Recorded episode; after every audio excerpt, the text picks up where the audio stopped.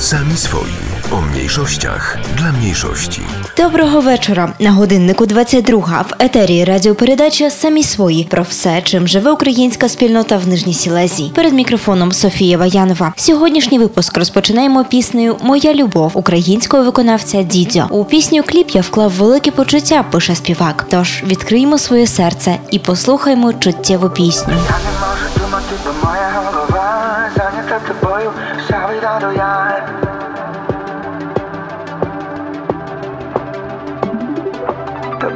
Тобою вони співаю only you І собі цілуюсь вночі з подушкою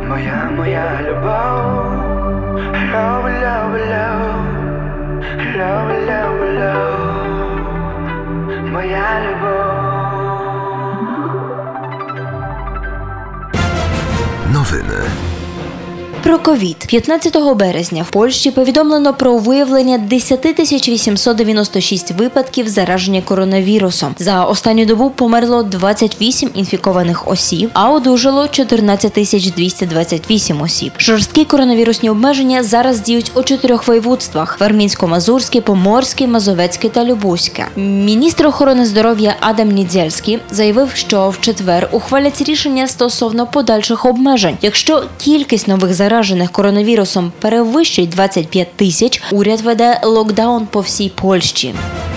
З 15 березня 2021 року змінились правила подачі документів на польську візу поштою. Тепер відправляти пакет документів потрібно на підставі попередньої реєстрації. Спочатку необхідно оплатити послугу візового центру і чекати на дзвінок, під час якого буде призначена дата, коли необхідно відправити пакет документів поштою. Якщо вислати в інший день, то це може привести до продовження терміну розгляду заяви аж до 45 днів. У Варшаві відбулась зустріч так званого Люблінського трикутнику. Участь ній взяли радники президентів з питань безпеки з Польщі, Литви та України. На порядку денному обговорювались питання безпеки в регіоні та, зокрема, ситуація в Білорусі. Раніше схожі переговори за допомогою відеозв'язку провели міністри закордонних справ. За даними статистичної організації Європейської комісії Євростату, Польща є серед трьох держав, громадяни яких найрідше повідомляли поліції про злочини, насильство або вандалізм у своєму районі в 2019 році. Це один із найнижчих показників ЄС. За словами прес-секретаря поліції, це означає, що Польща є однією з найбезпечніших країн Європи з набагато нижчим рівнем злочинності ніж у більшості інших європейських країн. МПК Вроцлав став першим у світі, що запровадив метод оплати проїзду за допомогою сканування райдужної оболонки ока. Завдяки співпраці із стартапом PayEye купити проїзний на міський транспорт чи оплатити штраф можна тепер методом сканування ока в приміщенні бюро обслуговування клієнтів транспортної компанії. PayEye співпрацює також зі 120 об'єктами Вроцлава. У Вроцлаві проходить акція Рожева скринька. Ідея полягає в тому, що на рівні з милом і туалетним папером повинен бути загальний доступ до безкоштовних засобів гігієни, необхідних під час менструації. До акції долучились школи, міські центри обслуговування мешканців та громадські організації. Загалом у Вроцлаві розвішано вже понад 60 таких скриньок. Епідемія коронавірусу не пройшла повз шоу-бізнес. Під його впливом та спостереженнями всесвітньої паніки українська хіп-хоп співачка Марцель випустила перший україномовний трек під назвою Коронавірус. Порожні вулиці столиці, лише черги в аптеці та черги в кромниці. Живемо як фортеці, всім уже не весело. Та вчорашні скептики скуповують маски, ліки, антисептики. Вчора тобі було смішно, а сьогодні лячно. Всі були успішні, та надто необачні. Здій страх по містах, по країнах паніку. Паніку, паніку, паніку, як було на Титаніку. Коронавірусу байдуже 30 чи 60 Косить він усіх підряд, як маленьких поросят. Тебе день народження, скоро 18 Чи воно відбудеться, знає ковід 19 Карані, карані, карантином, карані, коронавірусом, що то за вірус? Корона, корона, коронавірус. Скільки нам ще лишилось, скільки нас лишилось, скільки нам лишилось, скільки нас ще лишилось. Якщо ти не хочеш саме раз стати пилом, хоче милим, а лише лише пилом. Мийте руки, мийте руки, сука з милом, мийте руки, мийте руки, сука з милом. Найстрашніша корона, з понад усіх корон. Вона пропонує людям тільки трони, а не трон. Всі забули про роботу, друзів та про сон. Треба бігти в супермаркет та купити макарон. Молоді вовки вовчиці налітають на полиці. Депутати та зірки, всі скупили сірники. Краще в будь-якому разі не виходити на двір. Ми за волю, ми за мир, скупим гречку і папір. Карані, карані, карантином, карані, коронавірусом, що то за вірус? Корона, корона, коронавірус. Скільки нам ще лишилось, скільки нас лишилось, скільки нам лишилось, скільки нас ще лишилось. Якщо ти не хочеш саме раз стати пилом, хоче милим, а лише лише пилом. Мийте руки, мийте руки, сука з милом, мийте руки, з милом. Чи застану день перемоги чи поразки? Чи розкажу я колись своїм дітям казку? Як закрили кордони, як змінили закони, як закінчились відмазки, закінчились маски. Чи місце у палатах? Запитай людей в халатах. Знають, виживуть не всі, сподіваюсь, що багато. Ось такий десятий рік, тут життя не свято. Ось така весна, ось така весна малято. Карані, карані, карантином, карані, коронавірусом, що то за вірус? Корона, корона, коронавірус. Скільки нам ще лишилось, скільки нас лишилось, скільки нам лишилось, скільки нас ще лишили Якщо ти не хочеш саме раз стати пилом, хоче милим, а лучше лучше пилом. Мийте руки, мийте руки, сука з милом, мийте руки, мийте руки, сука з милом. Кіна не буде, дивіться фільми чорно-білі. Усі підозрілі сіли на автомобілі. Спочатку епідемія, потім пандемія. Найжахливіше в Італії, мама мія. Поки хтось питає, що робити, хто винен. Заражені клітини сагнули України. Між країнами стіна, статистика сумна. Чи це третя світова?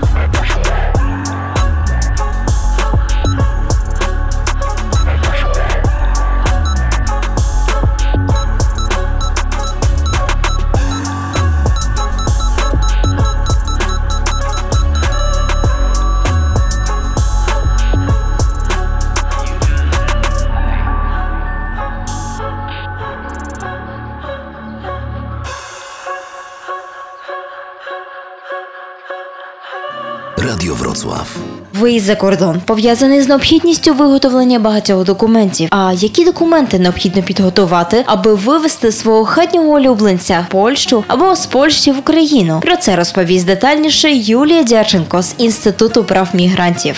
Окрім своїх документів, необхідно для перетину кордону на улюбленців теж мати список документів, і серед них це санітарно-ветеринарний паспорт для тварини, спеціальний чіп, який е, введений під шкіру тварини та ідентифікує її. Це має бути документ про визначення антитіл до сказу, довідка від ветеринарів, документ, що підтверджує неналежність тварини до порід племінної цінності, та спеціальні засоби для перевезення тварини, тому що не можна її вести, наприклад, у якійсь коробці. Насамперед, е, як я вже казала, має бути ветеринарно-санітарний паспорт, і ось у цьому паспорті мають бути присутні наліпки усіх вакцин, які зроблені тварині, що підтверджені печаткою клініки, і ці вакцини мають бути введені в строк не менше ніж за 30 днів і не більше ніж за один рік до виїзду з території України. Краще, щоб все це було посвідчено та записано на англійській мові.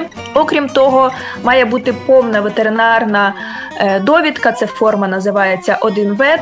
Ви можете сконсультувати своїм ветеринарним лікарем, де повністю будуть зазначені усі зроблені щеплення для вашого улюбленця. Довідку маєте отримати за три дні до виїзду. Тобто тут треба бути уважними з усіма термінами усіх щеплень. Бувають ситуації, що українці, іноземці, які проживають вже в Польщі, з часом купляють або е, беруть з притулку тваринку. Яким чином потім такого улюбленця можна привезти, повертаючись в Україну або їдучи ну, від Для того щоб привезти в Україну, наприклад, ви маєте пам'ятати, що окрім е, вище зазначених документів, ви ще маєте отримати міжнародний ветеринарний сертифікат, який має бути підписаний державним інспектором ветеринарної медицини саме в країні походження тварини, тобто в даному випадку Польща. І на території України не дозволяється везення тварин, якщо вона переміщається з тих країн або була транзитом перевезена через країни, де є небезпечні хвороби саме для тварини, або якщо ці тварини можуть небезпечну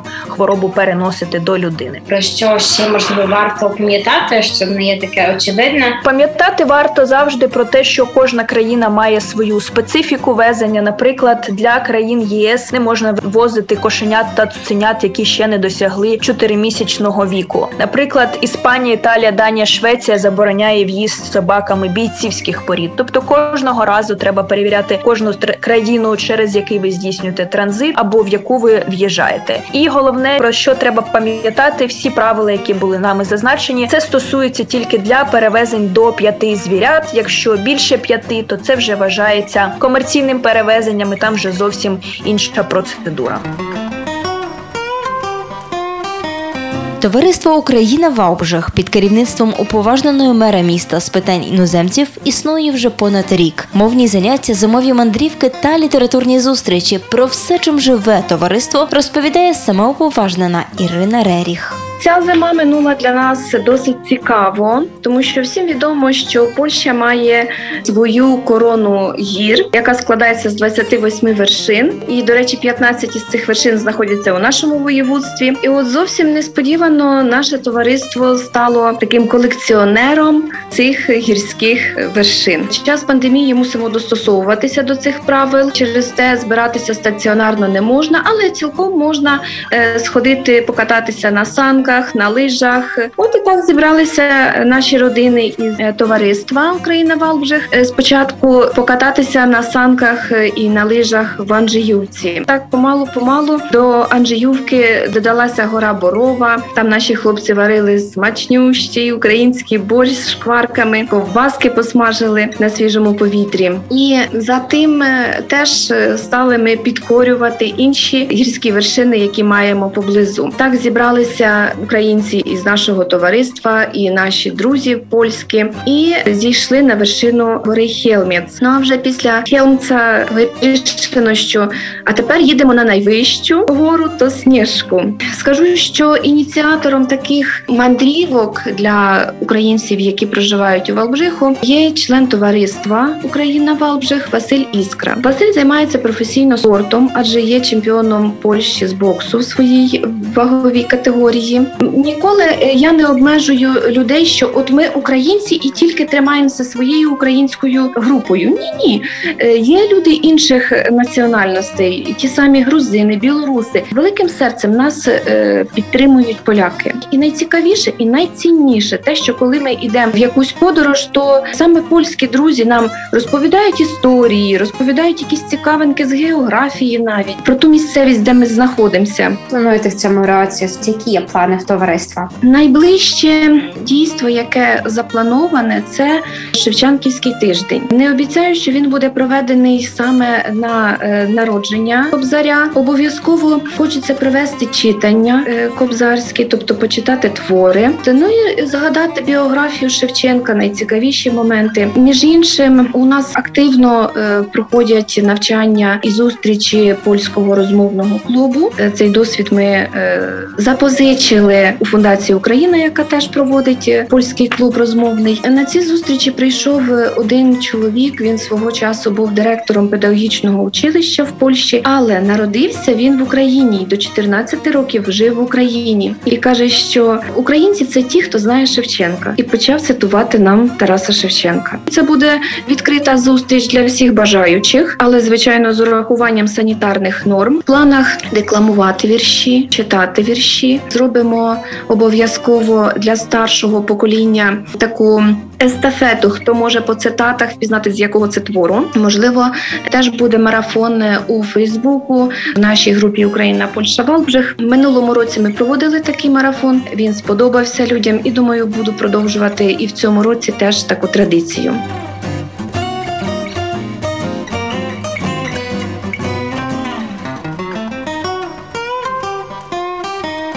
У своєму новому треці Джері Хейл задалась питанням, що таке кохання. Чи дійсно любов та кохання можна виміряти лінійкою, цифрами, параметрами? Відповідь знайдемо у пісні Арифметика кохання.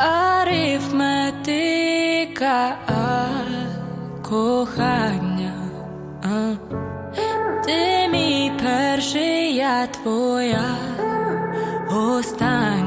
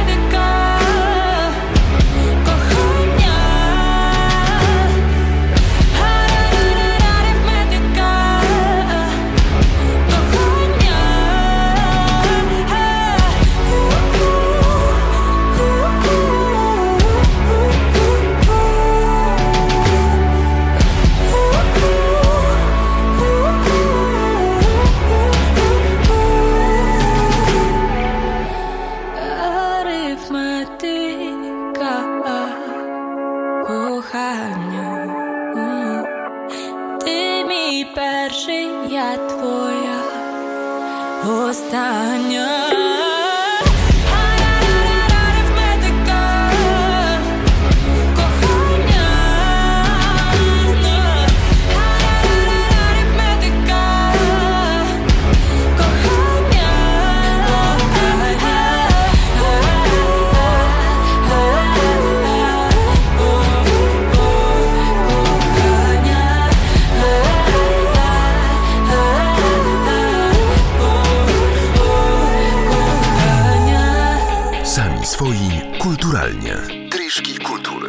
Міська публічна бібліотека у Вроцлаві та Вроцлавський центр інтеграції запрошують до участі у проєкті Вроцлав мовами світу. Ініціатива є відповіддю на потреби вроцлав'ян, котрі хочуть познайомитись і зрозуміти своїх сусідів, вихідців з інших країн, а також е, потреби іноземців, котрі хочуть зрозуміти поляків і дізнатися більше про їхню культуру. Зустрічі у проєкті Вроцлав на язиках свята нині проходять онлайн у парах у форматі тандемів. Участь у проєкті безкоштовна. Деталі на сайті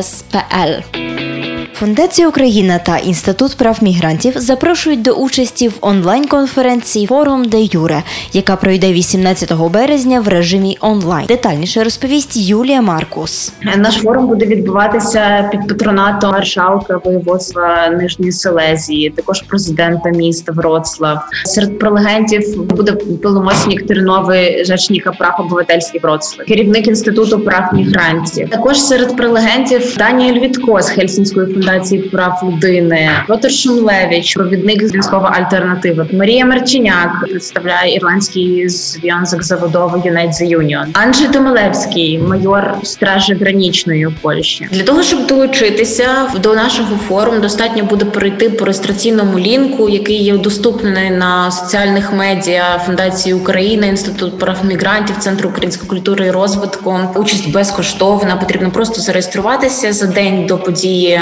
Буде наданий безпосередній лінк до участі. Нагадаю, форум відбувається 18 березня в 10.00 за посередництвом платформи онлайн, тобто з будь-якого місця, де зручно можна буде долучитися, взяти безпосередню участь. Під час конференції можна буде не тільки послухати, але також задати поточно якісь дуже важливі питання, актуальні і так далі. У нас буде відведено на це спеціальний е, блок питання відповіді, так від учасників і так далі. Тому дуже і дуже запрошую всіх.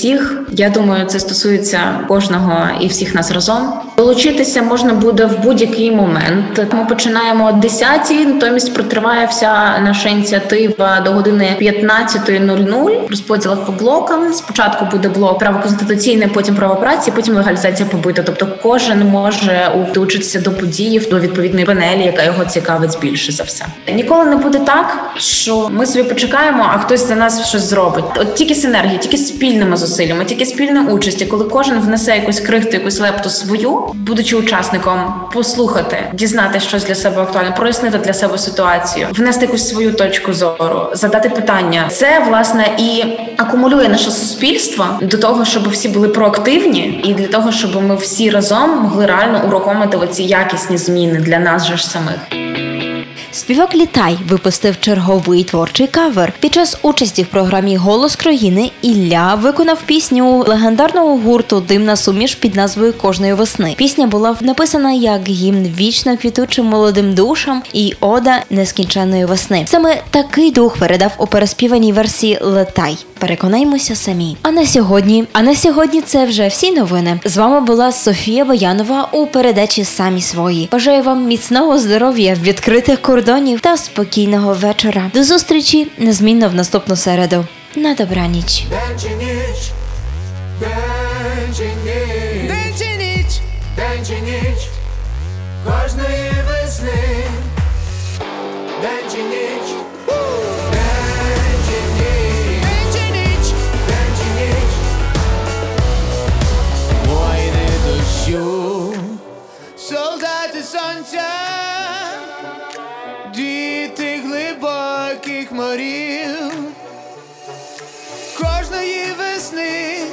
я бачу ваші сни і завмирає серце сотні голосів. Я чую